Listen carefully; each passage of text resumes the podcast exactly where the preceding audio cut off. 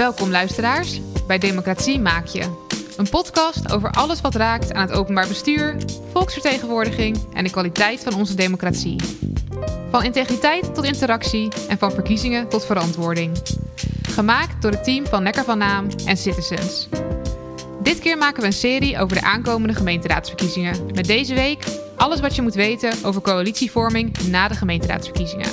Met Robert Klaassen en mijzelf, Jessica Lambrechts. Als de verkiezingen zijn geweest, dan uh, is de volgende stap aan de beurt de formatie. Maar ja, hoe gaat dat precies in zijn werk? En uh, wie bepaalt welke partijen er aan tafel zitten? Uh, en hoe werken die onderhandelingen nou precies? Dat is, is best wel soms een beetje een black box. in ieder geval als ik naar mezelf kijk en naar mijn eigen gemeente, denk ik, nou, hoe werkt dat nou? Dus um, vandaar dat we vandaag hier zitten. En daar hebben we twee gasten voor uitgenodigd vandaag. En die gaan zich even kort voorstellen. Allereerst hebben we Harme Binnema. Welkom. Fijn dat je erbij wil zijn. Dankjewel. Uh, wat is jouw uh, ervaring met, met dit onderwerp? Hoe, uh, vanuit welke rol zit jij hier? Eigenlijk vanuit twee rollen. Het eerste is dat ik statenlid ben geweest in de provincie Noord-Holland. En ook één keer lijsttrekker en toen ook de onderhandeling heb mogen doen over het nieuwe college, het coalitieakkoord, gedeputeerde staat in dat geval. En daarnaast als onderzoeker verbonden aan de Universiteit Utrecht bij bestuurs- en organisatiewetenschap. Waar ik onderzoek doe naar heel veel aspecten die met lokaal bestuur en lokale democratie te maken hebben. En ook de rol van partijen op dat lokale niveau. Ja, super. Ja, leuk. Het is echt een praktijkervaring en ook een theoretische kant. En dan de uh, tweede gast die we vandaag hebben is uh, Ruud Kolen. Ook welkom uh, vandaag. En vanuit welke rol bent u aanwezig? Ja, ik geloof dat ik gevraagd ben omdat ik zowel als... ik ben emeritus hoogleraar politieke wetenschap... en daarbinnen heb je dus vanuit de wetenschapsnu... en ook met het lokaal bestuur heb ik me bezig gehouden. Maar ik denk toch dat ik vooral ook gevraagd ben omdat ik... Uh, ervaring heb uh, een paar keer uh, met, met de formatie in mijn eigen woonplaats. dat was overigens niet direct na verkiezing, maar na de val van een college, mm-hmm. wat opnieuw weer ja. aan elkaar ja. gezet moest ja. worden. Maar wel dat voor, twee keer een, als formateur, informateur opgetreden in, in mijn woonplaats. En in de Eerste Kamer, waar ik lid van ben, ben ik ook woordvoerder op het gebied van Binnenlandse Zaken. Dus ook voldoende praktijkervaring in ieder geval met het onderwerp, volgens mij. leuk, welkom. Nou, dan als openingsvraag, wanneer begint nou de coalitievorming? Is dat meteen na de verkiezingen? Is dat daarvoor al? Nou ja, formeel begint het na de verkiezingen. Maar uh, uh, dat heb je op sommige plaatsen is, zijn er natuurlijk al voorsorterende bewegingen bij politieke partijen. Soms zie je het, uh, heb je het gezien dat partijen van tevoren zich hebben uitgesproken om wij trekken met elkaar op. Niet alleen in een lijstverbinding of, of verzamellijst, maar soms ook aparte partijen die zeggen wij, wij willen toch samen optrekken. Aan de linkerkant of aan de rechterkant. En als je dat uh, publiekelijk tevoren hebt gezegd, ja, dan moet je daar natuurlijk, uh, is dat... Uh, dan moet je daar iets mee, iets moet. Je, moet je ja, daar precies. Mee. Ja. maar de, de feitelijke onderhandelingen, ja, dan moet je toch altijd echt wachten tot de uitslag van de verkiezingen. Want dat bepaalt toch echt de verhoudingen. En dan kun je echt beginnen. Maar dan ook gelijk beginnen. Mm -hmm. Ja, precies. En het is dan ook zo dat je kunt aan het begin al wel de, de, de, zeg maar de, de partijen die aan tafel zitten, kun je al wel duidelijk hebben. En dat je dan inhoudelijk het gesprek aangaat. Maar je hebt ook wel formaties waar je denk ik eerst vanuit de inhoud gaat kijken van wat, wat is nou de opgave. En dan kijken welke partijen willen met elkaar samenwerken.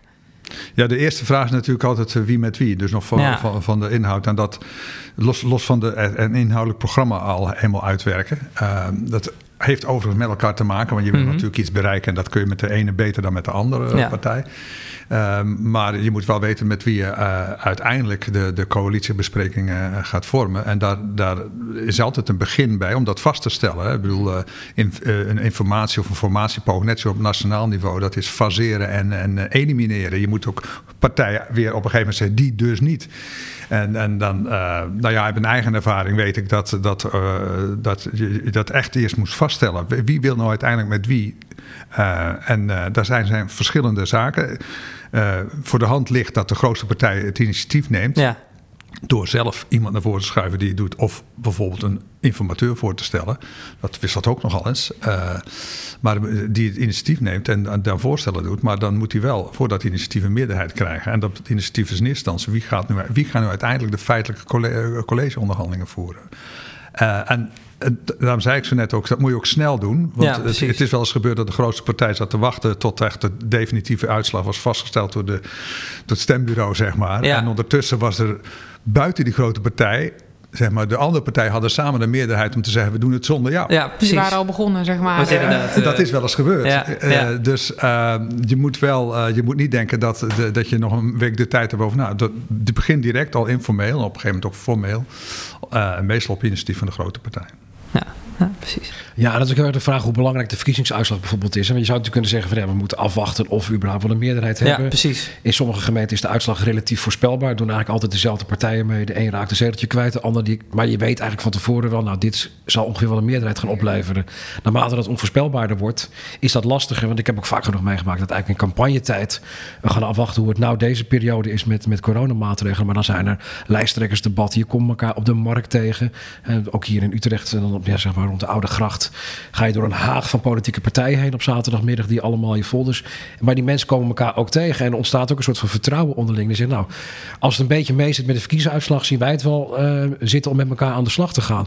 Dan is dat voor een groot deel al van tevoren met elkaar, met, met elkaar besloten. Het is ook wel, nou ja, uh, situatie eigenlijk zegt van coalitieonderhandelingen beginnen zodra de vorige coalitie van start gegaan is. Dus dat eigenlijk op dat moment partijen die met elkaar in de coalitie zitten zeggen: we zouden dit wel langer dan vier jaar willen volhouden. Dus zou het lukken om dat gewoon echt acht jaar te doen, dan kan je het voor elkaar krijgen.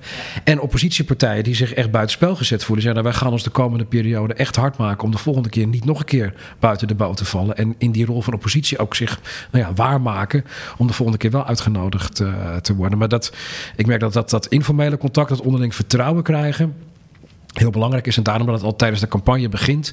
En dat eigenlijk al die verkiezingsprogramma's en wat we op landelijk niveau doen over eindeloos praten over wat de inhoudelijke tegenstellingen of blokkades of knelpunten zijn. Dat vaak lokaal veel makkelijker op te lossen valt als je het onderling een beetje met elkaar weet, weet te vinden. Ja, dat vertrouwen is ontzettend belangrijk. Uh, en ik heb zelf een paar keer meegemaakt waar ik informateur werd nadat er een crisis was. Dus niet na verkiezing, maar na een val van een college. En dan is het herstel van vertrouwen natuurlijk het belangrijkste. Ik bedoel, uh, en dat heeft er ook wel een keer toe geleid dat dezelfde coalitie hè, werd gelijmd. Maar voordat je zover bent, nou, dat hebben we op landelijk niveau uh, afgelopen jaar gezien, uh, toen het na dat grote dramatische debat op 1 april vertrouwen totaal weg was. Dan duurt het ontzettend lang voordat er weer iets, iets begonnen kan worden. Dus op lokaal niveau heb je gelukkig wat, uh, wordt er wat minder tijd genomen. Maar uh, uh, toch ook vertrouwen is, is alles. En dat is informeel. heb je helemaal gelijk aan dat, je, dat, je, dat is voor de verkiezingen al heel, heel lang. Formeel kan dat natuurlijk pas op het moment dat je de uitslag weet. Want ja, de politieke verhoudingen en machtsverhoudingen zijn wel bepalend. En dat hoort zo, ook zo in een democratie. Mm -hmm. Maar dat maakt het natuurlijk wel heel lastig voor nieuwe partijen, lijkt me. Die dan hè, misschien nog niet die contacten hebben. Maar ook die, moet, die moeten het dan echt hebben van die campagneperiode, denk ik, om de anderen te leren kennen. En om daar misschien al hun lijntjes uit te zetten, lijkt me. Ja, als, eh, als, als eh, bijvoorbeeld in die, in, in bij allerlei debatten een nieuwe partij zich uh, zodanig manifesteert dat andere, uh, bijvoorbeeld al als partij die nu in de coalitie zitten, uh, of in het college zitten, denken: Nou, als we, als we met die partij kunnen samenwerken uh, en, en wij zitten op de wip van een wel of niet de meerderheid, maar met die partij erbij zouden we dat wel eens kunnen hebben, een nieuwe. Nou, dan kan dat. dan, dan zie je, dan, formeel pas dus na de verkiezing, maar dan, dan mhm. wordt er natuurlijk toch al ja, informeel lijnen gelegd. Zeker. ja. ja. Maar dat is dan, denk ik, een nieuwe partij, omdat die nieuw is, is dus uh, de laatste maanden voor de verkiezingen, tijdens de campagne vooral, dat je dat merkt. Bij ja. anderen eh, is het al soms al direct na de vorige verkiezingen. Ja, dat die lijntjes alweer nou, uitgezet uh, ja, worden. Ja. Ja, ja. Maar vertrouwen is ontzettend belangrijk. Uh, als, dat, als dat er niet is, dan wordt het heel erg moeizaam. En dat gebeurt soms ook, omdat er dan geen vertrouwen is, maar ook geen meerderheid uh, waar die makkelijk te mm, vormen is. dan moet je met ja. partijen die elkaar minder vertrouwen of niet vertrouwen, toch tot de meerderheid te komen. En dan is het soms heel erg lastig. Nou ja, en als je een nieuwe partij hebt die gewoon een dusdanig aantal zetels had dat je er eigenlijk niet omheen kunt, ja, dan, dan gaan ze meedoen. Of er nou vertrouwen is of niet. Maar die zijn dan gewoon cruciaal voor de meerderheid. Maar ik denk ook vanuit perspectief als een nieuwe partij zelf, dat je moet afvragen van is het nou verstandig om meteen als je nieuw in die gemeenteraad komt, direct bestuursverantwoordelijkheid te willen dragen. Of is het misschien goed om eerst vier jaar ook een beetje je vrij te voelen om gewoon nou ja, ongenuanceerd je standpunten naar voren te kunnen brengen. Een beetje gewend te raken. Wat is de manier om weer invloed uit te oefenen? En dan wellicht in de nieuwe periode mee te gaan. Er zijn ook heel veel nieuwe partijen die nou ja, het zo leuk vonden om in het centrum van de macht te staan. Wethouders gaan leveren en vervolgens uit elkaar vallen. Of, of in geruzie uiteen gaan. Omdat het gewoon, ja te ingewikkeld is om alles tegelijkertijd te doen. En een nieuwe partij zijn en je organisatie lokaal opbouwen. En weten hoe zo'n in zo'n gemeenteraad te hazen lopen. En ook eens een keer een, uh, een, wethouder in het college te hebben die je ook moet controleren, aansturen, et cetera. Dus ik denk dat het voor nieuwe partijen soms ook de afweging is van ja, zelfs als we een goed resultaat boeken, willen we dan meteen mee gaan besturen? Of gaan we nog even wachten en misschien over vier jaar nog groter worden en dan de gelegenheid grijpen? Omdat we echt weten hoe we dan dingen voor elkaar kunnen gaan, uh, gaan krijgen. Ja, dat zijn heel verstandige woorden, maar wel vanuit een bestuurlijke optiek. Absoluut. Nee, dat ja, nee, het is heel uh, want, want je zult maar gewonnen hebben als nieuwe partij met een behoorlijke uitslag. En die, in die kiezers denken, nou gebeurt er wat. Dan zeg je, nou voorlopig nog niet. Ja. We gaan nog even eerst leren. Dat is ook... De verleiding is heel groot en wel. Uh, nou, het is niet alleen een verleiding. Het kan ook een verantwoordelijkheid zijn. Je hebt heel veel stemmen gekregen. En die kiezers hebben gedacht, nou, nou dat doe ik omdat er mm. nu, niet over vier jaar, iets gaat veranderen. En het is waar, uh, want een, een, een, partij oprichten en een campagne winnen is één ding, maar het volhouden en besturen is echt iets anders. Dus het zijn verstandige woorden, maar heel bestuurlijk gedacht. Ja. Terwijl als vanuit het representatieperspectief, als je net gekozen bent met een behoorlijke meerderheid, soms is het gebeurd dat lokale partijen in één klap de meerderheid ja. hadden. Dat is verschillende keren gebeurd. Om dan te gaan zeggen, ja, dat gaat eerst eens vier jaar leren. Dat is denk ik niet goed te verkopen vanuit het representatieperspectief. Ja, je werkt wel verwachtingen natuurlijk met je campagne en je beloftes en... Uh... Ja, maar goed, dat doen, doen alle partijen. Die, die, die leggen uit wat ze graag willen. En geen enkele partij bijna heeft. komt niet voor dat een één partij in één keer de meerderheid heeft. Maar het is op lokaal partijniveau wel een paar keer voorgekomen. Uh, vooral die leefbaarpartijen destijds. Daar ja, kwam in één klap kwamen ze in één keer uh, naar de meerderheid. Ook in mijn eigen woonplaats Hoegsgees. Dat heette toen Leefbaar Hoegsgees. Nog lang voor Leefbaar Nederland en Pim Fortuyn was dat al de meerderheid in één klap of een raadhuiskwestie. Uh, maar dat speelde erg. Ja, dan, dan kun je er niet omheen. Bedoel, uh, en ik zou het ook graag gevonden hebben dat een, een partij die, die, die zoveel zetels haalt, zegt: ik, ik ga nog even wachten. Dat, dat, vanuit dat representatieperspectief vind ik dat, dat, dat, zou lastig zijn. Maar ik ben, ben het helemaal eens. Ja, wat vaak wel gebeurt is dat dan heb je een wethouder en die moet toch in een college, uh, als, zeker als het een coalitie is, uh, compromissen sluiten, moet verkocht worden. Die partij moet nog leren van ja, je hebt een, een, enerzijds je eigen boodschap en tegelijkertijd moet je ook compromissen zien te verdelen. Er zit een verschil tussen, dat is lastig. Uh, en uh, ik heb het ook wel meegemaakt dat, uh, vooral bij nieuwe partijen, dat dan, dan de raadsleden die wel participeerden in de coalitie met de raadsleden daarvan, die gingen echt nog op, als dat nog helemaal in campagnestand, bleven dat ook lange tijd. Ja, dat precies. was gewoon niet ja, te besturen. Nee, precies. Ja, en ik heb wel eens gezegd als informateur, nou, als je dan meegaat, één ding, dan spreken we af dat je dit compromis ook verdedigt bij je eigen achterban. Ja. Want ja, eh, als een compromis, hè? niet als je eigen standpunt. Niet, niet, nee, gewoon, je moet gewoon zeggen: dit is niet alles wat ik uh, zelf had willen hebben, maar het is geven en nemen. En dit is eruit gekomen en, ik kan, en dat vind ik verdedigbaar. Maar dan verdedig je het ook. Want anders krijg je van, dan heb je het gedaan. En uiteindelijk zeg je, ja, sorry, maar de fractie of de achterban, die, de, de afdeling, die, die, die, die, wilde, die wilde het niet. Mm. En dat is, dat, dat, dat is een leerproces ook voor nieuwe partijen. Ja. Ik zei, is ook bestuurlijk gedacht, maar dat, dat is wel ervaring. Ja, dus het brengt wel bepaalde risico's met zich mee. Dat is dan... Uh... Ja, risico's. Het is ook wel het mooie van democratie. Ik bedoel, eh, er wordt nu heel veel geklaagd over fragmentatie en uh, uh, grote wisselingen van partijuitslagen. En dat is ook lastig. Bestuurlijk gezien is het allemaal lastig. Aan de andere kant kun je ook zeggen van als er een belangrijk probleem is, dan is het kennelijk mogelijk in Nederland dat een nieuwe partij stemmen kan mobiliseren en dat om kan zetten in politieke invloed in de gemeenteraad en, en, en in een college. Is ook wel mooi. Hmm. Het is, is geen stelsel wat helemaal versteend is en verstart en vast ligt. Er kunnen nieuwkomers binnendringen en maakt het bestuurlijk soms lastig. Maar democratisch, vanuit democratisch perspectief, ook wel weer interessant. Ja, ja. En als je dan de grootste partij bent, of je wint heel veel, wat u net zegt, dan, dan heb je ook gewoon de verantwoordelijkheid om te gaan zeggen van nou, uh, wij gaan in ieder geval uh, meepraten in de formatie. Ik wil niet zeggen dat ze meteen het college ingaan. Maar hebben ze dan ook meteen de verantwoordelijkheid als grootste partij? Want dat is vaak de ongeschreven regel om ook de informateur te leveren. Of om in ieder geval de formatie te initiëren. Dat is wel, dat is wel gegroeid. en dat wisselt op lokaal niveau per, per plaats. maar er is sinds eigenlijk de jaren zeventig een soort idee dat, dat de grootste partij na de verkiezingen mm het initiatief kan nemen. Ja. Moet dan wel geaccepteerd worden door de, door andere. de andere. Ik noemde net een voorbeeld dat als je dat te laat doet en de andere accepteert niet, die vindt ja, wel leuk. Uh, de, of, of ze vinden die, die, die grootste partij, die nieuweling, te extreem. Om, om, om verder te kunnen. Maar die nieuweling heeft, is wel de grootste, maar geen meerderheid. Dan kan er een alternatieve meerderheid. Dat kunnen afgesproken worden, ja. En, en, dat, dus het is wel, en dan kan die ander wel zeggen, de grootste van, ja, ik ben de grootste. Ja, maar als je de ander niet kan overtuigen dat jij het initiatief kan en mag nemen, ja, dan houdt het op. Ja, precies. Dan gaan die anderen door. Ja. Maar er is wel een verschuiving zichtbaar. Want die, die ongeschreven regel van de grootste partij neemt het initiatief, die is er nog steeds. Maar dat mhm. het dan ook de lijsttrekker van de grootste partij is die de gesprekken gaat voeren en dergelijke. Daar zie je toch steeds meer dat men informateurs gaat. Eh, je krijgt eigenlijk een soort van, ja, oneerbiedig gezegd, bijna een rondreizend circus van informateurs. Die, die gevraagd worden omdat ze het vier jaar geleden ook zo goed gedaan ja, hebben. Andere gemeenten dat kunstje mogen, mogen herhalen. Dat, ja, in die zin men toch een beetje kijkt ook naar hoe de Tweede Kamer dat, uh, dat aanpakt. Dat je iemand van buiten wilt hebben. Vaak wel een partijgenoot. Maar soms is het ook bijvoorbeeld de Griffie die daar een rol in speelt. En, uh, en op zoek gaat naar een persoon die informateur zou kunnen zijn. Om dat partijpolitiek er een beetje af te halen. Dus dat, dat die eerste fase in ieder geval een aantal gemeenten die dat ook beschouwen als een soort van professionalisering van, van coalitievorming. En voor kiezen om een informateur uh, of zelfs nog een verkenner en welke namen er ook aan gegeven worden uh, in te schakelen. Om te kijken wat, voor, wat voor meerderheden te vormen zijn. Dat heeft denk ik ook wat, nou, nog los van dat professionaliseren. Ook uh, wat Ruud net zei, de, de, de fragmentatie die ze optreden. Dat je ook om een meerderheid voor een coalitie uh, te organiseren vaak al vijf, zes partijen nodig hebt. En dat het dan ook handig kan zijn om een, naar iemand van buiten te vragen. Maak dus even een goede uh, schifting, maak eens een goede vergelijking van die verschillende partijen. Voordat wij dat zelf moeten gaan doen. En om allerlei andere redenen partijen buiten de deur worden, worden gezet. En dat die, dat die informateurs denk ik best wel een, een nuttige rol daarin, daarin spelen. Ja, ja. ja, ik zou het voorbeeld van uh, de Tweede Kamer van afgelopen jaar zeg maar, niet gelijk volgen. We, nee, bepaald niet. Uh, op allerlei redenen niet. Want dat was, uh, maar bijvoorbeeld ook het proces dat ze in het begin verkenners instellen. Nou, verkenners prima.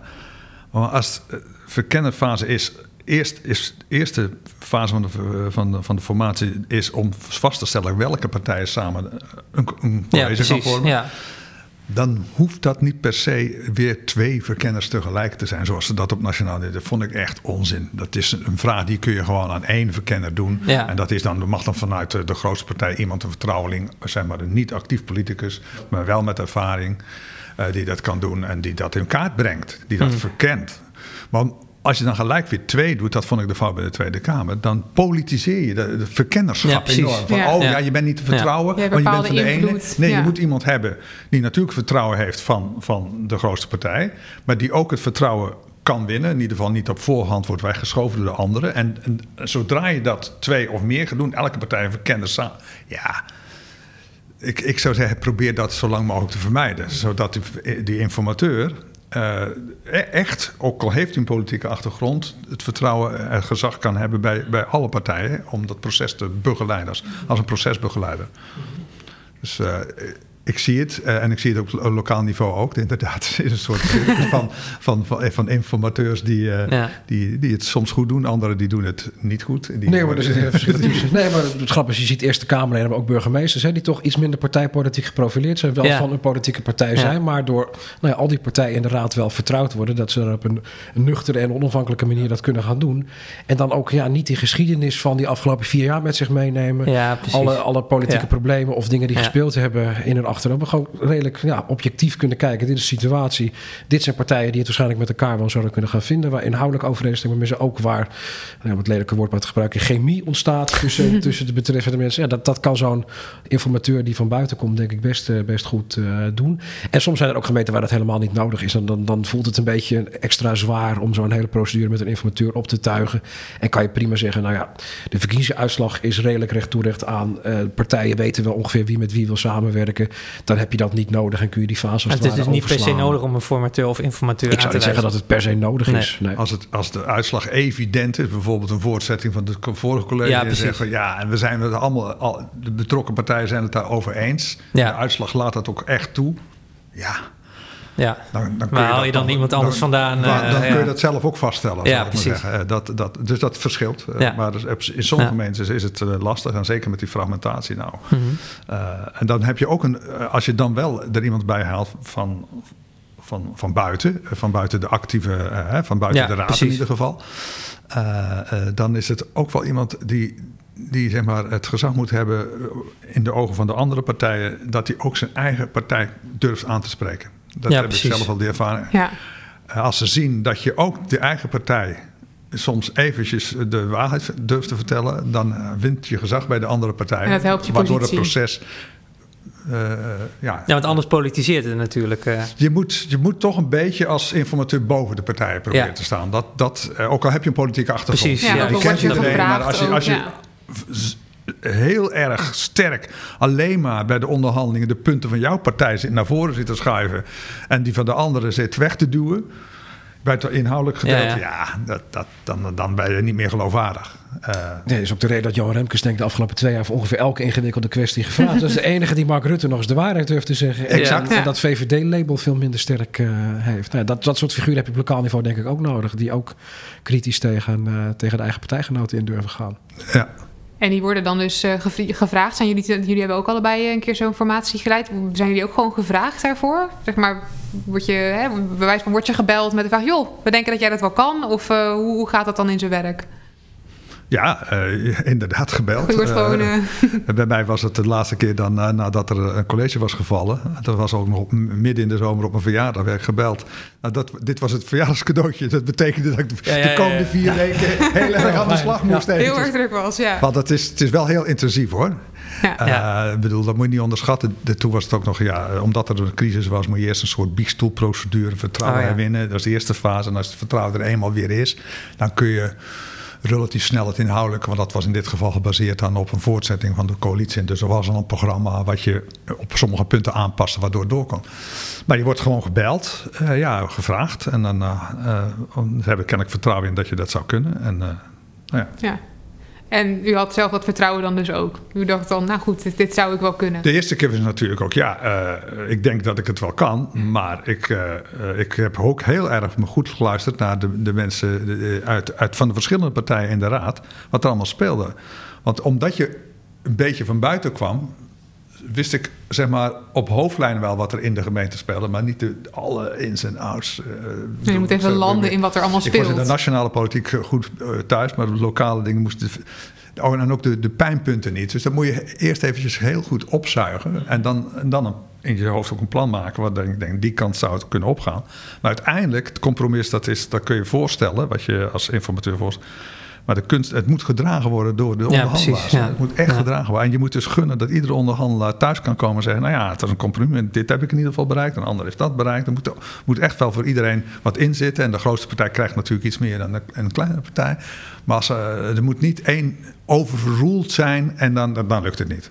Iedereen moet, moet met een opgeheven hoofd kunnen zeggen... dit compromis is verdedigbaar. Mm -hmm. En hoe ging dat bij jou, uh, Harmen?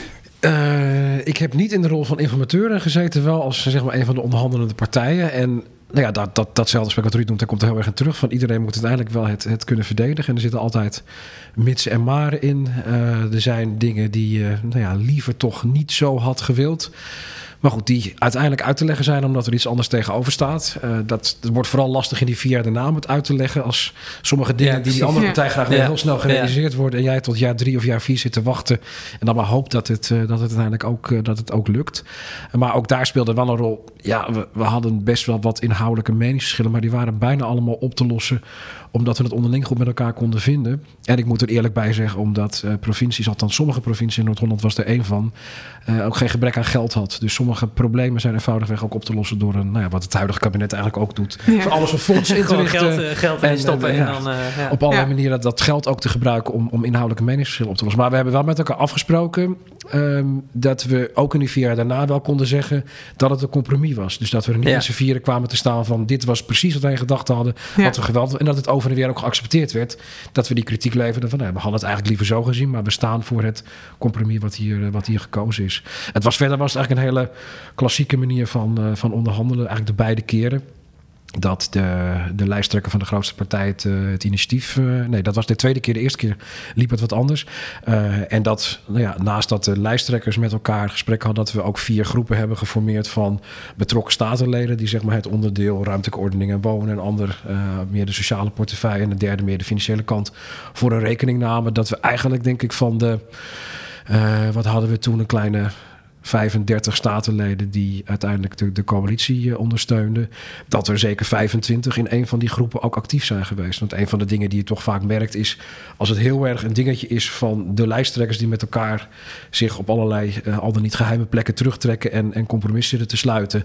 En dat als een totaalpakket vervolgens bij hun respectievelijke fracties dumpen, dat die ja, fracties zeggen we zijn eigenlijk de afgelopen weken helemaal niet erin meegenomen. En het enige wat we nu kunnen zeggen is ja of ja graag. En, en je krijgt ook een beetje de boodschap mee van ja, ik kan niet meer terugkomen bij de anderen met puntje, puntje, puntje. Want ja, dat, dat, dat, dat, dat het voor ons een hele beste keuze was van we laten al die fractieleden meepraten. En dan formuleren zij daar een paar punten en zeggen: daar komen wij gewoon onderling niet uit. Dit wordt uh, chefzaggen, zal ik maar zeggen. Dat moeten die vier lijsttrekkers met elkaar uh, gaan besluiten. Maar dat je wel veel meer snapt welke stappen daar voorafgaand zijn gezet. In plaats van dat het een heel lang een black box blijft en je aan het eind dan te horen krijgt: oké, dit, is het, uh, dit is het resultaat geworden. Dan is het ook wel handig, want dat speelt inderdaad, dat je als informateur, als je merkt van dit wordt een heel heikel punt, Waarvan je niet moet hebben dat eh, als het de vier dan de onderhandelaars, vier partijen zijn de onderhandelaars het eens zijn, dat ze dan de, de, fractie vervolgens zegt hallo. Dat je, dat je dan zegt van, en dat is natuurlijk een, ook een onderhandelingsstuk. Laten we dat even rusten. We gaan morgenochtend verder. En dan weet je dat die avond komt toen ja, overlegt en dat ja. reken je ook op. Dan spreek je op aan, eh, raadpleeg je achterban en dan gaan we morgenochtend verder. En dan, want dan worden er meegenomen. Sommige partijen die hebben werkgroepjes. Uh, in de, van de fractie die de, de, de, onderhandelaar ondersteunen. Maar soms is het zo klein, uh, dan heb je één onderhandelaar en nog twee anderen. Want het is Dat is dan, ja. ja. Dat is het dan. Ja. Dat is het dan. Uh, en, maar dan even van onderbreek je het gewoon en dan weet je gewoon, of morgenavond gaan we verder en dan is het tijd om even te overleggen. En dan, dan, dan de volgende dag heb je toch uh, nou ja, het gevoel van dat, dat die achterban is geraadpleegd. En als je dan zegt van dit leggen we vast. En hè, zo gaat het bij onderhandeling op onderdelen. Het is pas echt vastgesteld als het totaal is vastgesteld. Hè? Ja, dat, precies, uh, dat, dat geldt ook, ook echt bij formatieonderhandelingen. Want uh, je kunt niet zeggen, dit is vast en dan de rest uh, dwars liggen. Nee, dan het totaalpakket is verdedigbaar Maar dan hoor je landelijk wel eens inderdaad dat er dan gezegd wordt... nou, we hebben dit onderwerp hebben we nu afgeconcludeerd, zeg maar... en dat is dan onderhandeld en dan kunnen we daar ook niet meer op terugkomen. Ja, maar ook de laatste onder, echte onderhandelingen zeg je... het is pas een besluit als er over alles een besluit Precies, genomen. Ja. Hè? En, uh, en wat ik ook nog wel wilde toevoegen, ik zeg steeds van compromissen sluiten. En dat moet je ook. En je moet iets hebben voor alle partijen wat ze kunnen verdedigen, wat ze binnen hebben gehaald en niet. En ik denk dat het ook goed is om uit te staan, ook op lokaal niveau. Een compromis is geen kiezersbedrog. Dat wordt zo vaak gezegd. Ja, je wijkt af van je verkiezingsprogramma. Ja, nogal wie dus. Als je als partij geen meerderheid hebt, ja, precies. Ja. Dan, dan moet je compromissen sluiten. En een compromis sluiten, dat is geven en nemen. En dat betekent dat je niet alles van je verkiezingsprogramma hebt binnengehaald. En dat is niet kiezersbedrog. Dat is met de mate van steun die je van de kiezer hebt gekregen, zoveel mogelijk van je punten binnenhalen. Maar die kiezer weet ook wel dat als jij 20% van de stem hebt gekregen en, en, en daarbij nog groot in, in, in, in, in, een, in, een, raad, dat je dan niet uh, eh, 100% van de standpunten binnenhaalt. Uh, dan zul je moeten. Dus je moet het echt ook. En je moet het ook laten zien dat het compromis. Ik vond op nationaal niveau dat beeld is vaak aangehaald van de meloen die je moet doorslikken. He, dat was Gert-Jan Segers van de ChristenUnie die in de vorige formatie ja, moeilijke standpunten voor zijn rekening moest nemen. Omdat hij andere dingen binnenhaalde. En, en, nou, en die zei op een gegeven moment bij een bepaald standpunt. Ja, dat was toch echt even het doorslikken van een meloen. Ja. En dat vond ik heel verstandig. Hij nam zijn verantwoordelijkheid. Ik verdedig het. Maar hij zei tegelijkertijd in zijn achterban. Ja, als, als ik het alleen had besloten, had ik dit niet gedaan. Nee, maar ik doe het als onderdeel van een geheel. En ik denk dat je dat ook zo moet uitdragen. Dat het een compromis is, geen kiezersbedrog. Dat is wat je hebt het beste gedaan met het mandaat van je kiezers... om zoveel mogelijk er binnen te halen. Maar je hebt geen meerderheid en dus geven en nemen. En dat is geen kiezersbedrog, dat is democratie, zou ik zeggen. Ja, precies. Is het dan ook iets waar je als formateur dan de partijen ook in meeneemt in die visie? Om dat ook gewoon zo ja, ik Heb dat, ik heb het zelf wel gedaan. En, en, en bijvoorbeeld uh, ook echt gezegd. En verdedig dat dus ook naar je eigen achterban zo. Ja. ja. want, want, die achterban zei: Ja, maar jij, wij dit en dat. En dan geef je. Ja, tenzij het een punt is wat waarvan je van tevoren uh, hebt gezegd. Je hebt, vroeger had je de term van ononderhandelbare strijdpunten. Oh ja, dat is heel lang geleden. Maar als, als een, een, partij in een, in een campagne heeft gezegd. Uh, we zullen nooit accepteren dit. Ja, dan dat is lastig hè, uh, als je het zegt. Maar dat kan zijn een heel belangrijk punt. Ja, dan weet je dat. En dan ligt het eraan uh, uh, dat de andere partij dat accepteert. Maar die zullen zeggen, als je dat binnen wil halen... Ja, dan moet er toch ook al bij voor ons ook wat in, in zitten. En als, als het als het er niet uitkomt, ja, dan wordt het voor die partij lastig om, om deel te nemen. En dus echt van tevoren zeggen dat bepaalde onderdelen van je programma ononderhandelbaar zijn, lijkt me niet handig. Wel, dit zijn hele belangrijke punten voor, en die gaan we keihard inzetten in de onderhandelingen. Ja, precies. Maar er is een compromis. Ja. Nee, dat maakt het ook heel voorspelbaar voor de andere partijen met wie je gaat onderhandelen. Van dit zijn belangrijke punten. Maar ik denk dat je ook je eigen onderhandelingspositie heel erg verzwakt. door te zeggen: van dit, dit is voor ons onacceptabel. Of nou, Oké, okay, vriendelijk bedankt. En dan gaan we met die anders praten. Ja, ja, ja, ja. Rekkelijk en vriendelijk. En wat, denk ik van dit, wat u terecht zegt: hè, een compromis is helemaal niet verkeerd. is ook onderdeel van jarenlange een Nederlandse traditie, denk ik, van ons, van ons polder en consensus. Waar het af en toe op misgaat, is denk ik wanneer er een uitruil wordt gemaakt tussen onderwerpen die inhoudelijk niks met elkaar te maken hebben en die voor kiezers lastig te volgen zijn. Nou, als we hier in de stad zouden zeggen, nou, we hebben een coalitie met VVD en GroenLinks. En GroenLinks krijgt een hele hoop windmolens waar de VVD niet enthousiast over is. Maar in ruil krijgt de VVD extra parkeerplekken op straat, waar GroenLinks nooit mee zou kunnen stemmen. Ja, daar zou je kunnen zeggen dat is een compromis of een uitruil. De een krijgt een beetje, maar het is eigenlijk als beleid in totaal niet meer te verdedigen. En voor beide partijen komt dat heel raar over wanneer je dat gaat doen. En nou, dat zijn nog onderwerpen die relatief tegen elkaar zitten. Maar als je op landelijk niveau en dat zegt van nou, wij hebben het niet meer over abortus en euthanasie. En in ruil daarvoor gaan we een klimaatfonds inrichten. Ja, dan krijg je dus uitruil of compromissen op, op onderwerpen die ook voor een doorsnee kiezer niks met elkaar te maken hebben en veel lastiger uitlegbaar zijn dan wanneer je zegt, nou ja, we hadden gewoon uiteenlopende standpunten. De ene wilde graag een minimumloon op dit niveau houden of wilde bepaalde tegenprestatie in de bijstand op die manier houden. Een andere wilde daar wat verder in gaan, minimumloon verhogen, wat lichter denken. En we zijn ergens onderweg, zijn we uitgekomen. Dat is denk ik prima uit te leggen en van beide kanten geen, geen kiezersbedrog. Maar bij andere dingen die echt heel erg diametraal staan tegenover wat je zelf vindt, accepteren, omdat je in ruil daarvoor iets anders wat je wel belangrijk hebt gevonden in die coalitie terugkrijgt. Dat is met name naar je eigen achterban, denk ik, vaak een stuk lastiger de, uit te leggen. En, en daar, daar krijg je dan ook gewoon kritiek op van hoe kan partij X in een coalitie gaan waar dit besloten wordt, waarvan je niet hebt gezegd het is ononderhandelbaar, maar toch wel was gezegd, nou, dit is wel een heel belangrijk punt voor ons dat het niet doorgaat op die manier. Ja, ik, ik, ik heb wel eens onderscheid gemaakt, maar dat was dan op nationaal niveau. Uh, in de discussie over mijn eigen partij, ook uh, in 2017 bij de formatie, of in 2012. De Partij van de Arbeid heeft toen meegedaan met het nationale niveau met de regering. Uh, en dat ging toen met een relatief snelle formatie. en het argument was: we, we moeten geen waterige compromissen. En dus, en ik, ik had de kritiek op sommige onderdelen. Ik zei, het is bijna niet te verdedigen naar de achterban. Dit, dit is zowel voor, toen was VVD en PvdA, zowel bij de VVD is niet, sommige dingen niet als de PvdA. VVD was dat eh, die uh, inkomensafhankelijke zorgpremie, die ging er ook gelijk weer uit. En bij de PvdA was het de strafbaarstelling van illegale. En dat bedoel, er zijn, en dat, dat kon je gewoon zien van tevoren. Dus ik, ik, toen kreeg ik het verwijt, ja maar Ruud, we moeten geen waterige compromissen sluiten. Ik zei nee, waterige compromissen moet je niet sluiten. Je moet compromissen sluiten.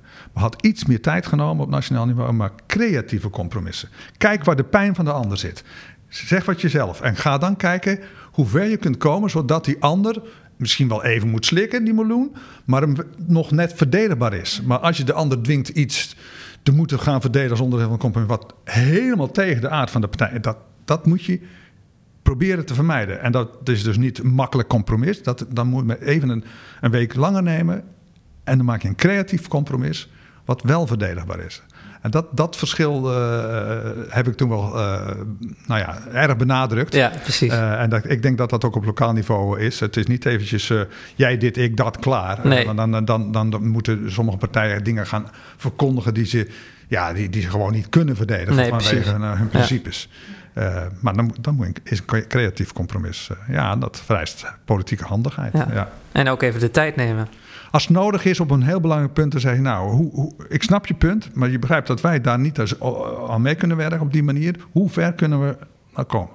Ja, de uiterste oplossing is er helemaal niet meer uitkomen. Je wilt toch met elkaar door, dus de ijskastprocedure. We gaan dat nog eens bestuderen. We vragen nog eens een commissie. Uh, ben je zo weer een paar jaar verder? Ja, ik wou zeggen, dat, ja, maar dat is iets wat lokaal, denk ik, lastig uh, te verdedigen is, toch? Nou, je kunt op lokaal niveau, als er een heel belangrijk uh, in de om, omgevingsvisie of zo'n groot probleem is, dat je nog eens wat studies laat verrichten. Ja, oh, op die manier. Dus dat, dat je wel, dat je wel met elkaar kunnen, een college gaat. Ik pleit daar niet voor, maar als, als, je, als je op alle andere punten eruit komt, dan op dit punt, op één punt niet... Ja dan kun je, hè, de op de kabinetsformatie vorige keer was bij de, bij de ethische kwesties, toen hebben ze uh, gewoon gezegd, deze 60 ChristenUnie, we gaan nog een commissie met nog, dit kabinet ging daar geen besluit over nemen. Nou, speelt iets minder op lokaal niveau, maar bij omgevingskwesties kan dat, kan dat zijn. Dat je nog eens, nog eens even een extra studie laat verrichten. Nou, ik kan me dat herinneren, een paar dagen geleden is de nieuwe Zeesluis en Ermuiden geopend. Ja. Zeesluis Ermuiden als creatieve naam meegekregen. Ja, daar was 20, nou, jaar geleden, daar was 20 jaar geleden al discussie over. Partijen vonden die sluis helemaal niet nodig. Uh, vonden dat het nou, allerlei verkeerde soorten werkgelegenheid, activiteiten, een ouderwetse economie met zich meebracht. En in drie colleges op rij is er een soort van bezweringstekst in dat, in dat coalitieprogramma opgenomen. Van, nou, dan moesten alle, allerlei voorwaarden voldaan. Er moest voldoende financiering van het Rijk zijn. Er moest een positieve maatschappelijke kostenbatenanalyse, et cetera, et cetera. Dus nou ja, de kunst van het onderhandelen was dan dusdanig veel randvoorwaarden opnemen... dat je eigenlijk wist, dit gaat de komende vier jaar niet gebeuren... tenzij allerlei andere partijen, of de gemeente Amsterdam... of, of het Rijk ineens heel veel geld daarin gaan steken... of het heel belangrijk gaan vinden. Ja, dat is niet het meest fraaie compromis, maar het zorgt er wel voor dat je voor vier jaar over dat onderwerp in ieder geval geen gedoe in je coalitie eh, krijgt. En er eigenlijk ook geen echte urgentie is om daar heel hard uh, aan te gaan. En dan vermijd je het eigenlijk een beetje. En dan vermijd je het eigenlijk. Zo nou ja, zie je natuurlijk hè, wie, wie coalitieprogramma's gaat, gaat lezen en, en door, de, door de teksten heen en tussen de regels door. Je ziet, je ziet heel veel dingen die gaan over bestreven naar of we gaan onderzoeken. Er staan heel weinig echt smart geformuleerde indicatoren vaak in, waar je ook aan het terugziet. Van, dit zijn onderwerpen waar ze het lastig mee hadden.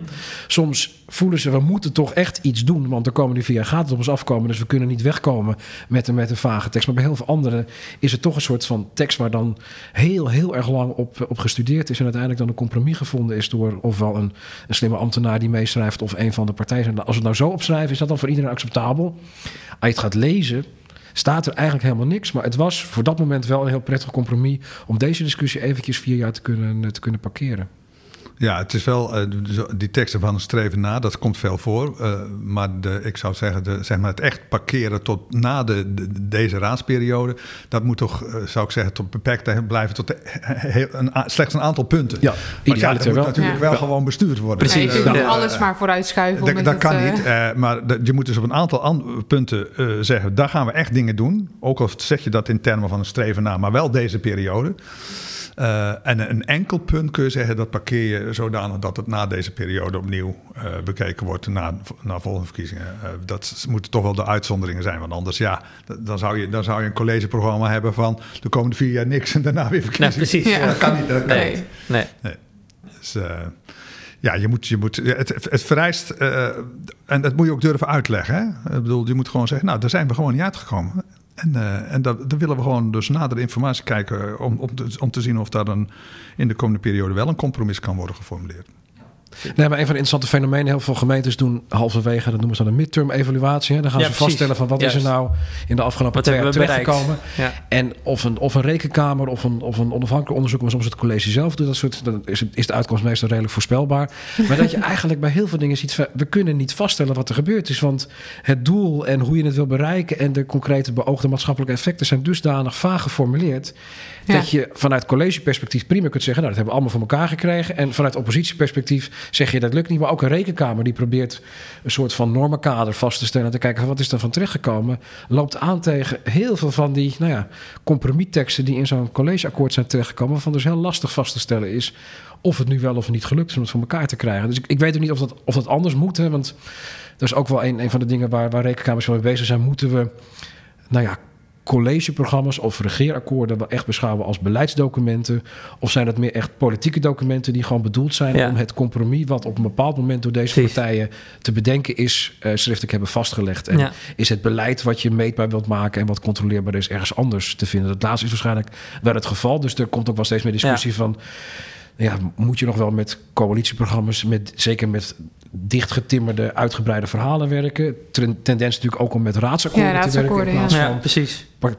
partijgebonden of coalitiegebonden akkoorden. Maar dat, je, ja, dat, dat er wel veel discussie is. Wat, wat voor documenten is dit nu eigenlijk? En, en wat moeten we daarmee? En, en ook een heel erg sterk verschillende cultuur van raadsleden en wethouders die vier jaar lang dat coalitieprogramma voortdurend in de tas hebben. En bij elke discussie die komt van... mag niet, kan niet, want het staat niet in het coalitieakkoord. Dus uh, u zult hiervoor moeten stemmen of juist tegen.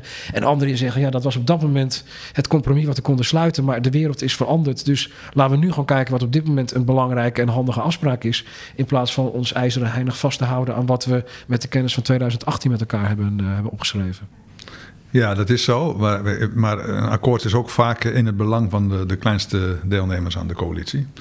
Zeker. Ja, want, want in het college overheerst de grootste de deelnemer wel. Dus de kleinste moet het hebben van het akkoord. Uh, en als er dan, stel dat er in het college ja, de, de grote partij overheerst en die kleine coalitiepartner die voelt zich permanent over, overruled. Ja.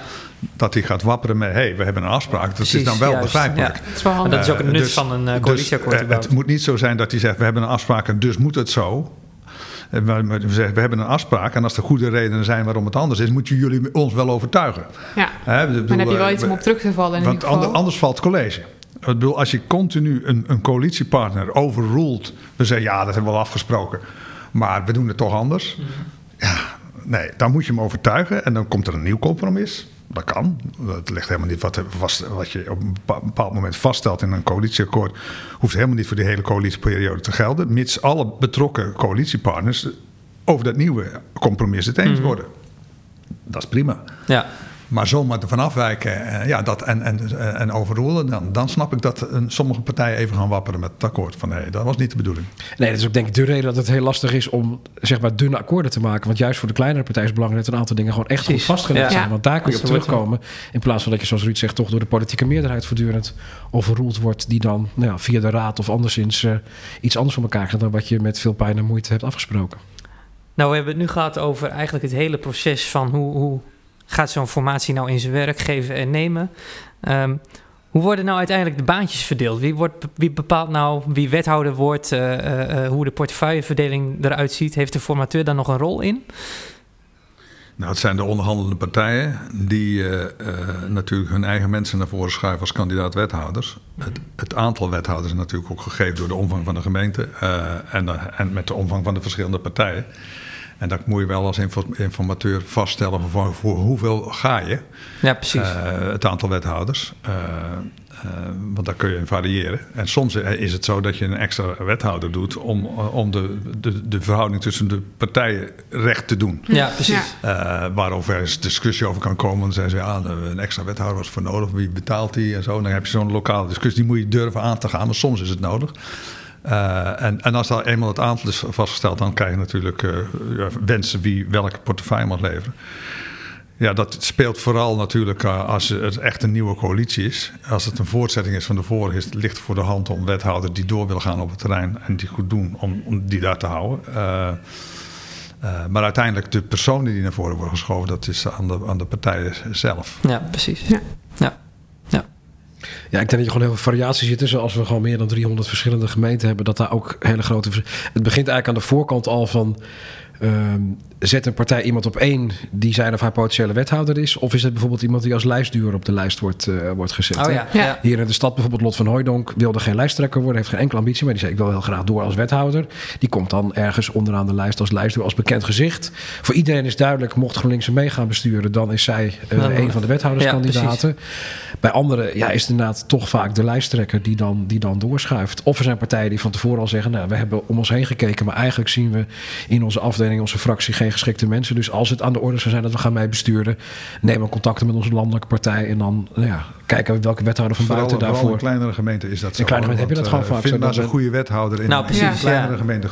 Utrecht is natuurlijk een grote nee, stad. Dat is een andere, andere uh, maar in kleine gemeenten zie je dus ja, de, de, de, de, de wethouders hoeven sinds 2002 niet meer uit de raad te komen, nee. zoals nee. je weet. En uh, dan zie je ook wel, daar heb je ook een rondreizend circus van wethouders, zou ik bijna zeggen. ik heb daar wel persoonlijke ervaring, is misschien wel een leuke anekdote. Mijn moeder die is wethouder uh, in 2015. Wij woonden toen in de Ronde Veen hier in, uh, in, in, Utrecht, zeg maar. En die is toen gevraagd om wethouder te worden. In een gemeente in Gelderland werd toen gebeld van, uh, dus toen, nou, verhuis maar en pak je zootje maar in. Ja, en die wonen nu al zes, zeven jaar aan de andere kant van Nederland. Daarom. Ja, dus dat, dat komt uh, waarschijnlijk toch van ja, gemeentes die dan niet echt. Je moet het ook willen. Het is ja, lastig. Precies. En er komt steeds ja. meer op, op, op, gemeentes af. Hè. Ik bedoel, het is lang niet meer alleen de beroemde lantaarnpaal en de stoeptegel. Nee, precies. En zeker in het sociale domein, de omgevingswet, wat er allemaal niet, de rest, ik bedoel, allemaal de energietransitie, wat er niet allemaal niet op die lokale gemeentes afkomt. Dat maakt het bestuur ook ingewikkeld. En dan moet je dus uh, uh, een apparaat voor hebben, maar ook goede wethouders. En die zijn niet altijd even voorhanden. En dus is het goed dat de mogelijkheid bestaat van buiten. De kunst is dan wel dat iemand van buiten, een wethouder, heel snel probeert het vertrouwen van de gemeenschap te winnen waar die naartoe gaat. Ja, als je, dan alleen maar van uh, aankomt vliegen om je werk te doen en weer terug gaat naar de plek waar je, uh, waar je vandaan komt of zo. Uh, de, de, soms wordt ook de, de verplichting om in de woonplaats te bewonen wordt opgeheven.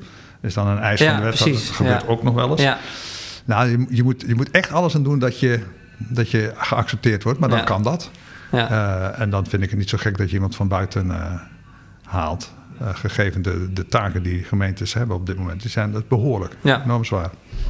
Nee, maar ik denk ook van het speelt ook, in die fase van onderhandeling speelt het wel mee. Met wie gaan we onderhandelen? Dat heeft ook aan de ene kant met de inhoud te maken, maar ook denken wij dat die partij met de poppetjes aan de ene kant een, een fractie heeft waar we op kunnen bouwen, waar we kunnen vertrouwen dat die compromissen uitlegt, dat die meestemt als het, als het nodig is. Maar ook heeft die bestuurlijk talent in huis. Hè? Als, het een, als het een nieuwe partij is of als het oppositie afkomstig is van zitten daar mensen waarvan we denken, nou, die zouden de komende tijd dat, dat goed kunnen gaan doen. En dat, nou, ergens in die onderhandelingen, dat kan vroeger zijn, dat kan wat later zijn, maar natuurlijk aan de orde komt van wie hebben jullie eigenlijk in gedachten als, als potentiële wethouder uh, voor de komende periode. Dat dat wel een, een afweging kan zijn. En ook heel erg, nou, we zien natuurlijk in Nederland dat we een traditie hebben om dat heel erg aan de partij zelf over te laten. Maar dat je wel subtiele signalen krijgt van nou, als jullie die als wethouder naar voren schuiven, dan zou ik niet helemaal zeker weten of wij dat zien zitten. Of misschien die persoon wel, maar nou ja, laat dan vooral niet nog een keer de WMO doen. Want als de afgelopen vier jaar niet zo goed gegaan, zou die willen overwegen om een andere portefeuille te doen. Of heb je wellicht iemand anders in huis? Dat is natuurlijk ook ja, soms de, de bloederige interne strijd die, ja, ja. die plaatsvindt. De wethouder zelf dacht, ik mag nog een periode verder. De fractievoorzitter dacht toch iets anders over. De fractievoorzitter was uh, de onderhandelaar en heeft met de mede-onderhandelaars besloten dat het toch einde oefening is voor de betreffende wethouder, omdat hij zelf heel graag uh, op die post wil terechtkomen. Dus dat, is, dat spel om die poppetjes is wel een heel gevoelig spel. En daar, merk je van dat, dat daar ook onderhandelingen op stuk kunnen lopen. Als je echt denkt, nou, dat aspect van vertrouwen wat dan een paar keer voorbij gekomen is. Ja, je bent heel intensief als college met elkaar vier aan het besturen. Dus als je het gevoel hebt van, nou ja, met deze persoon heb ik niet zoveel, maar we kunnen wel tot een redelijke samenwerking komen. Dan kunnen we zakelijk oplossen. Dan gaat mhm. het nog wel. Als je denkt, dit gaat gewoon vier jaar lang alleen maar ruzie en gedoe opleveren. Waar colleges om gaan sneuvelen, waar partijen door verdeeld raken. Ja, dan ga je er denk ik toch niet aan beginnen. En daar zijn natuurlijk ook, het is niet voor niks dat er, dat er veel wethouders voortijdig opstappen. Dat er op plekken ook naar zakencolleges wordt gekeken in plaats van partijpolitiek samengestelde colleges. Omdat ja, het toch vaak uh, ergens onderweg wel een wethouder meer of minder uh, sneuvelt. En nou, dat wil je toch proberen te voorkomen door, hoewel je afhankelijk bent van wie iemand anders naar voren schuift, toch een heel klein beetje na te denken van zien wij dit als team in combinatie met de gemeentesecretaris en de burgemeester ook functioneren de komende vier jaar? Of zien we nu eigenlijk al allerlei mogelijke conflicten en ook, ook persoonlijk gedoe uh, opduiken? Ja, ik denk dat het ook, ja, ik ben helemaal eens. Ik denk dat het ook heel belangrijk is om echt goed gekwalificeerde mensen vanwege de zware taken, dat is één. En, en, en, en, en goed kijken dat, dat, dat die in ieder geval eh, ook op steun kunnen rekenen van de andere partij. Het gaat de eigen partij beslist. Maar die subtiele signalen moet je wel durven opvangen en willen opvangen. En dan ook in eigen partij ook afspraken maken van uh, als je daar zit, dat je voor informeel overleg tussen wethouders en, en, de, en de fractie. Nou is het sinds 2002 de dualisering. Ja. Uh, en ik vind het ook prima dat die wethouders niet meer uit de raad hoeven komen. Maar die dualisering moet je niet dogma, dogmatisch maken. Ook op lokaal niveau geldt gewoon de vertrouwensregel. Dus je, je, je, je moet als college kunnen steunen op de meerderheid van de raad. Je moet, dat, anders, anders werkt het niet. En dan is het alleen maar logisch dat een wethouder ook intensief contact heeft met in ieder geval de eigen club, de eigen, eigen fractie. En in het begin na de dualisering, nee, dat kan niet. Dat was wel eens heel erg strak dogmatische scheiding. Ja, nou, dat, dat, werkt gewoon zo niet. Dus je moet wel je eigen verantwoordelijkheden hebben. Maar je moet dat ook, hè, en je kunt ook je eigen wethouder en die van een andere aanspreken als raadslid. Maar zeker binnen je eigen club moet je zorgen dat je ook je wethouder heel probeert te houden. Uh, waar dat kan, tot dat niet meer kan. Als er echt iets is, inhoudelijk of persoonlijk, dat iemand dit dysfunctioneert, ja, dan houdt het op. Maar je moet niet zien van dat is de vijand of zo. Uh, het is wel een ander instituut. Je controleert uh, de, als raad natuurlijk de, het college. Maar via informeel overleg kun je een heleboel dingen afvangen. Ja, nou dan hebben we nog eigenlijk uh, de laatste vraag van deze aflevering. En het is voor jullie allebei. Dus hebben jullie een, een, belangrijke tip om mee te geven aan politici die straks met al die onderhandelingen aan de slag gaan? Een belangrijke tip. Ehm, als je gevraagd wordt als informateur, is niet als onderhandelaar, dan zou ik zeggen: je moet natuurlijk op, globaal op de hoogte zijn wat er speelt. Maar probeer in ieder geval met iedereen, ook de allerkleinste fractie in de, uh, in, in, de raad, in ieder geval te horen wat er speelt. Zodat ze nooit kunnen zeggen: je hebt bent gelijk gegaan voor die coalitie en je hebt al mensen uitgesloten. Dus probeer je in te leven in alle wensen die leven bij alle fracties. En uiteindelijk dan via dat faseren en uiteindelijk ook elimineren van partijen te komen tot een, de coalitie en dat onderhandelen. Dat is, dat is een tip, maar er zijn zoveel meer tips te geven. Ja. Nee, ik zou vooral de onderhandelaars denk ik willen meegeven leg vooral de nadruk op het persoonlijke en wellicht iets minder op de inhoud. Er zijn ontzettend veel onderwerpen die de komende vier jaar toch voorbij gaan komen die je niet kunt voorspellen. Uh, er zijn heel veel compromissen waar je uren en uren met elkaar over onderhandelen bent om tot een specifieke zin of een specifieke formulering te komen, die eigenlijk na een half jaar weer achterhaald zijn. Maar wat belangrijker is, zeker als je in een coalitie gaat zitten, dat je ook een beetje op een leuke manier met die andere mensen kunt samenwerken, aan de slag kunt gaan. En dan zijn heel veel inhoudelijke kwesties vaak best goed te overwinnen. Maar als het in dat onderlinge vertrouwen in die samenwerking niet lekker zit, dan ga je denk ik vier hele moeizame jaren tegemoet. En dan kan je misschien best aan het eind zeggen, nou we hebben inhoudelijk dit en dit voor elkaar gekregen uit ons verkiezingsprogramma. Maar of je vier leuke jaren hebt gehad, kun je je ernstig afvragen. Tijd voor de blik van Bogers. Marcel Bogers is hoogleraar en onderzoeker bij Nekker van Naam. Hij reflecteert iedere aflevering op het gesprek. Interessant eh, te horen van Harmen Binnema en Ruud Kolen. Twee mensen die zowel vanuit de wetenschap als de praktijk uh, verstand hebben van uh, coalitievorming. Over hoe dat proces van coalitievorming nu in de praktijk gaat al vastgesteld in de inleiding dat uh, het uh, toch vooral een black box is, dat hele, dat hele proces van coalitievorming, waarin uh, weinig geschreven regels, maar vooral ongeschreven regels een belangrijke rol spelen. Hoe gaat dat proces, proces nou precies? we horen bijvoorbeeld dat, ja, dat, dat zien we ook in de landelijke praktijk, dat het toch min of meer gebruik is dat de grootste partij het initiatief neemt. Ehm, en dat het steeds minder de lijsttrekker van die grootste partij is die die gesprekken leidt, maar dat er steeds vaker gewerkt wordt met informateurs. Op zich is dat natuurlijk ook niet zo vreemd, omdat uh, in het verleden hadden we één of twee hele grote dominante partijen. En die konden ook heel makkelijk met gezag leiding nemen in dat hele gesprek. Tegenwoordig hebben we geen echt grootste partij meer. En als er sprake is van één, grote partij, of één partij die het grootste is geworden bij de verkiezingen, ja, dan scheelt dat vaak maar een zetel. En soms scheelt het zelfs maar honderden stemmen. Die maakt dat jij de grootste bent geworden en dus het initiatief mag nemen bij, uh, bij uh, de coalitiebesprekingen. Om die reden wordt er vaak gekozen voor een externe informateur die namens alle partijen gaat kijken van nou op wat voor manier kunnen we samen zo'n zo lokale coalitie vormen.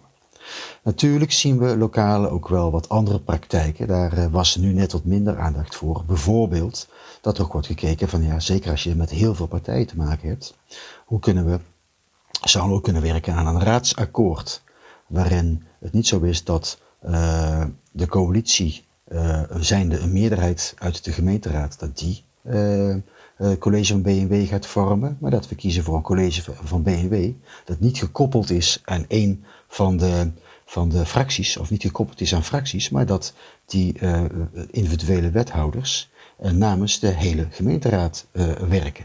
Nou, dan krijg je een hele andere verhoudingen tussen raad en college. En dan maak je ook heel andere afspraken in, zo'n, uh, in de coalitiebesprekingen. Dan ga je meer kijken van nou, wat is de raadsagenda van de hele raad voor de komende vier jaar? Wat zijn de belangrijkste punten waar we besluiten over willen nemen? Zonder dat je op de inhoud van die besluiten ingaat. Uh, uh, en het, het, college bereidt die besluitvorming voor. Nou, dan heb je een heel ander spel, een heel ander speelveld dan wat je in die klassieke coalitiebespreking hebt, waar we het net over hadden. Een ander uh, interessant uh, fenomeen vind ik zelf, is dat je eens nadenkt van hoe kun je samenlevingspartners wat meer betrekken bij die coalitiebesprekingen.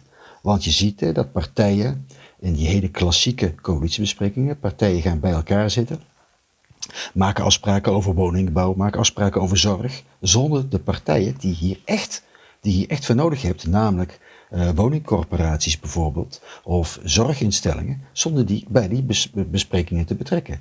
Dus ik zou zeggen, ja, als je met elkaar uh, inhoudelijk uh, aan de slag gaat met zo'n coalitieprogramma, betrek daar die samenlevingspartners, die maatschappelijke partners, ook heel nadrukkelijk bij.